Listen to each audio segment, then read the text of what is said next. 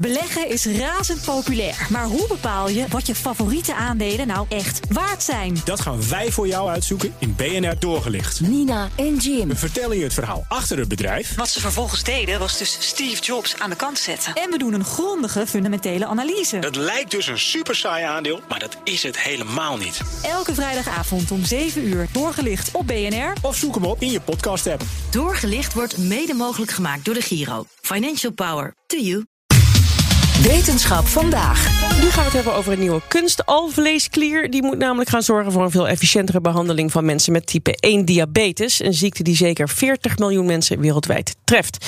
We gaan naar Carlijn Meijners, onze wetenschapsredacteur. Carlijn, diabetes type 1 is een, een auto-immuunziekte, toch? Ja, eh, normaal ruimt het afweersysteem alleen ziektes op. Maar bij mensen met diabetes type 1 vernieuwt het afweersysteem de cellen, de beta-cellen, die insuline aanmaken in de alvleesklier.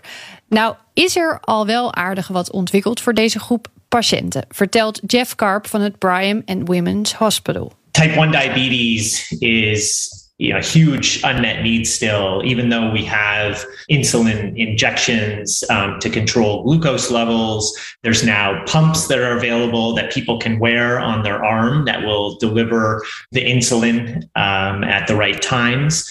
And I think you know we've really come come a long way. Uh, there are many challenges that exist because it's very high maintenance. Ja, er zijn dus wel apparaatjes, hè, maar dat is heel veel werk voor de patiënt. Precies, je moet bijspuiten of zo'n apparaatje bijvullen. Uh, niet alles werkt voor iedereen. Het is iets waar je de hele tijd uh, op moet letten.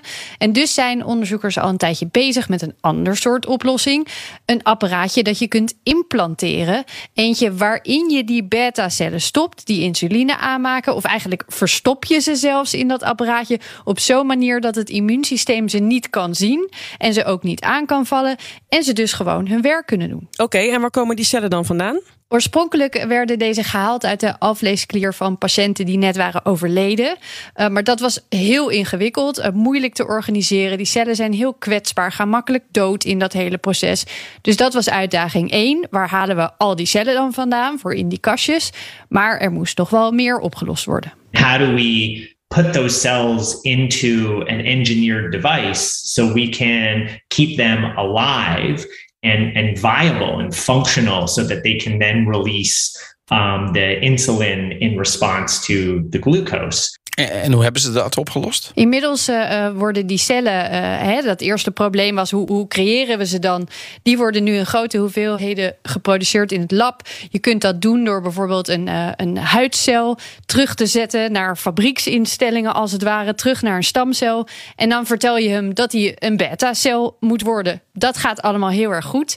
dat maken van die cellen dus. Hoe houd je ze in leven? Daar zijn ze nu ook verder mee. Die cellen hebben voeding nodig, dus die stofjes die daar rond in dat lichaam gaan, moeten ook uh, in dat apparaatje goed terecht kunnen. Uh, die cellen moeten ook snel kunnen voelen wat er in het lichaam gebeurt. Veel eerste versies van dit apparaatje reageerden gewoon te laat. Dat was een groot probleem. Bijvoorbeeld als iemand iets at, dan duurde het te lang voordat die cellen dat meekregen. Oh ja. Dat moest beter. En dat is in dit nieuwe ontwerp gelukt. En de inspiratie hiervoor kwam van thee, vertelt oh. onderzoeker Owen O'Carroll. If you're ever making a cup of tea, you don't carefully place the tea bag into the water after um, you've already poured the water. What you tend to do is put the tea bag in first and pour hot water on top of it. And the differences between those two methods are the differences between a solely diffusion based system, which we recognize most of the cell macroencapsulation devices are, and this flow or convection enhanced system that we've been developing. Ja, wat is het verschil nou precies? Ja, hij geeft als voorbeeld uh, met het risico dat we een hele discussie over thee beginnen. Maar uh, uh, hoe je je theezakje gebruikt, zeg maar. Of je hangt je theezakje heel voorzichtig in het hete water. Mm -hmm. is er niet echt stroming. er is weinig menging met de thee zelf. Krijg je heel laf bakkie, zeg maar. Of je doet het zakje er eerst in en laat dan het water er doorheen stromen. En dan mengt alles meteen lekker goed. Dat laatste is wat hun nieuwe apparaatje dus beter doet oh ja. dan er al was. Ik vind het echt top uitgelegd. Kan het daardoor sneller reageren? Ja, het kan sneller reageren. Het lijkt meer op de omstandigheden in het lichaam, want er wordt stroming gecreëerd. Dat is er de hele tijd in die, bij die cellen in ons lichaam ook. Stoffen komen zo eerder bij de cellen terecht, beter bij ze terecht. De insuline die ze aanmaken komt weer sneller en beter in het lichaam terecht. En het ontwerp is ook nog interessant omdat het uh, het mogelijk maakt om meer cellen in een klein apparaatje te kunnen stoppen. En er lijkt minder inkapseling van het apparaatje op te treden. Ja, nu duurt het, duurt het met dit soort dingen uh, vaak wel even hè, voordat de patiënt het echt kan gebruiken. Ja, ook in dit geval zijn we er nog niet. Er moeten nog klinische trials met mensen komen. En er wordt ook nog gekeken wat moet de grootte zijn. You still want to maximize the surface area, um, but you want to make it as small as possible so you don't induce a big wound. That's still being figured out, but I think yeah, the size of a, a deck of cards is a is a good starting point um, to aim for something like that. That wouldn't require a very invasive surgery. Een pakje kaarten dus. Als eerste ontwerp, zo groot als een pakje kaarten, wordt ook nog gekeken waar moet het dan precies in het lichaam geïmplanteerd worden. Daar zijn ook nog verschillende ideeën over. En is het idee uiteindelijk dat iemand met zo'n apparaatje weer helemaal normaal kan leven? Dat is de droom. Uh, bij de eerste versies ligt het er een beetje aan hoeveel cellen er in zo'n apparaatje kunnen zijn. Dat er genoeg om alles op te kunnen vangen. Uh, dan kan het zijn dat iemand toch nog een beetje op dat eten moet letten. Maar de aanmaak van insuline, dat zou dan helemaal vanzelf moeten gaan. In reactie op het glucoseniveau in het lichaam. Zodat je zelf niets meer hoeft te doen.